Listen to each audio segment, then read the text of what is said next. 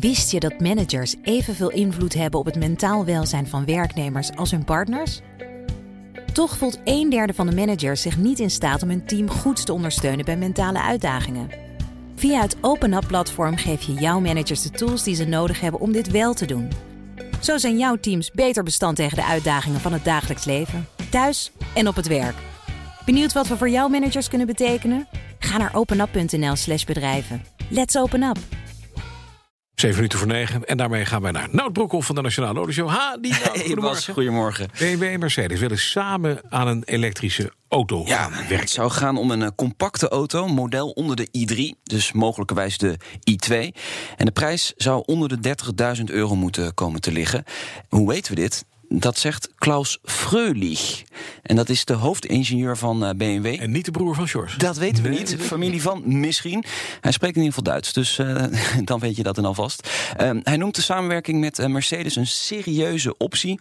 Het is eigenlijk ook wel logisch, Bas, als je erover nadenkt. Ze moeten opboksen tegen de Volkswagen-groep. Ja, die investeren natuurlijk miljarden in elektrificatie voor al die merken. Seat, Audi, Volkswagen zelf natuurlijk, Skoda. En ja, dan is samenwerking gewoon nodig, nodig om die kosten natuurlijk te drukken. eruit. Maar we moeten nog even geduld hebben, want die auto, die compacte auto, die komt pas over vijf jaar op de markt. Oké, dan de Consumentenbond. We hoorden ze net, nemen het op voor de leaserijder. Want die eh, betaalt uiteindelijk, als hij uit de lease, wat uit de lease gaat...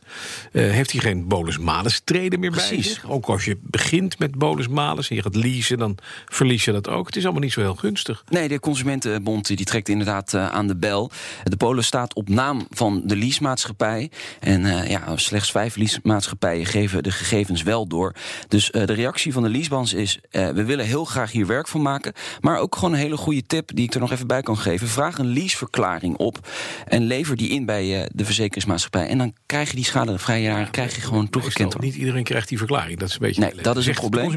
Maar daar gaat de leasebranche dus aan werken. Dat ze die verklaring wel makkelijk kunnen Je zegt vijf, zijn er inmiddels zeven sinds gisteravond. Lieten wij ons net vertellen. Oh, oké. Nou, eh, twee erbij gekomen in minder dan eh, 16 uur. Nog Goed zo. maar 38 nu. De duurste auto's in ons land zijn Ja. de auto van Nout Broekhoff. uiteraard. Nee, helaas niet. Die staat er niet tussen. Autoblog eh, zocht het uit, moet ik even uitleggen. Want eh, ze vroegen de prijslijst op bij, eh, bij importeurs. Dus, dus dit staat, het gaat echt over auto's die bij de dealer staan op dit moment. Op nummer drie, de Rolls-Royce Wraith Ja? Black Badge. 442.000 euro. Staat gewoon bij een dealer hier in Nederland. Dan de Lamborghini Aventador Roadster S. 522.870 euro moet je daarvoor aftikken. Maar nu komt, nu komt er een Bugatti'tje, denk ik. Nee, en dat ga ik je zo dadelijk vertellen. De Rolls-Royce Phantom Extended Wheelbase. 635.190 euro. Dat is de duurste auto die, op, eh, die je kunt krijgen in Nederland. En dan denk je inderdaad, die Bugatti Chiron, waarom is die er niet bij gezet? Het is namelijk onduidelijk wat de catalogusprijs van de Bugatti Chiron is. Dus die is niet meegenomen in dit lijstje. Maar wij weten het stiekem natuurlijk wel. Ja, het hij kost 1,6 Ja, of zo. 2,3. En dan als je nog eh, op, opties gaat aanvinken, kom je makkelijk, maar dan ook echt makkelijk boven de 3 miljoen euro. Staat hij bij jouw dealer? Want het is Nee. tenslotte een VW-product. Dat is ook nog even. Hij staat. Het is geen showroom model. Er zijn er maar 500 worden er gemaakt. Dus ja, dat is. Hij moet hem even buiten beschouwing laten. Maar dat is absoluut een van de duurste auto's die er. Die Zullen we dan vanmiddag even naar de- in de Nationale Autoshow... naar wat, eh, wat modestere, lullige sportautootjes gaan? Ja, we testen de Porsche 911, de 992. Daar gaat hij.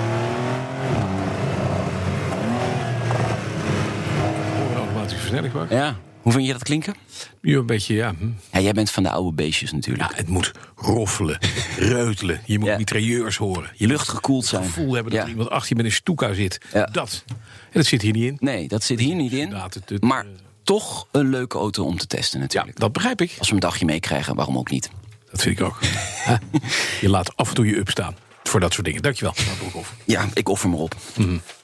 Wist je dat managers evenveel invloed hebben op het mentaal welzijn van werknemers als hun partners? Toch voelt een derde van de managers zich niet in staat om hun team goed te ondersteunen bij mentale uitdagingen. Via het Open Up platform geef je jouw managers de tools die ze nodig hebben om dit wel te doen. Zo zijn jouw teams beter bestand tegen de uitdagingen van het dagelijks leven, thuis en op het werk. Benieuwd wat we voor jouw managers kunnen betekenen? Ga naar openup.nl/slash bedrijven. Let's open up!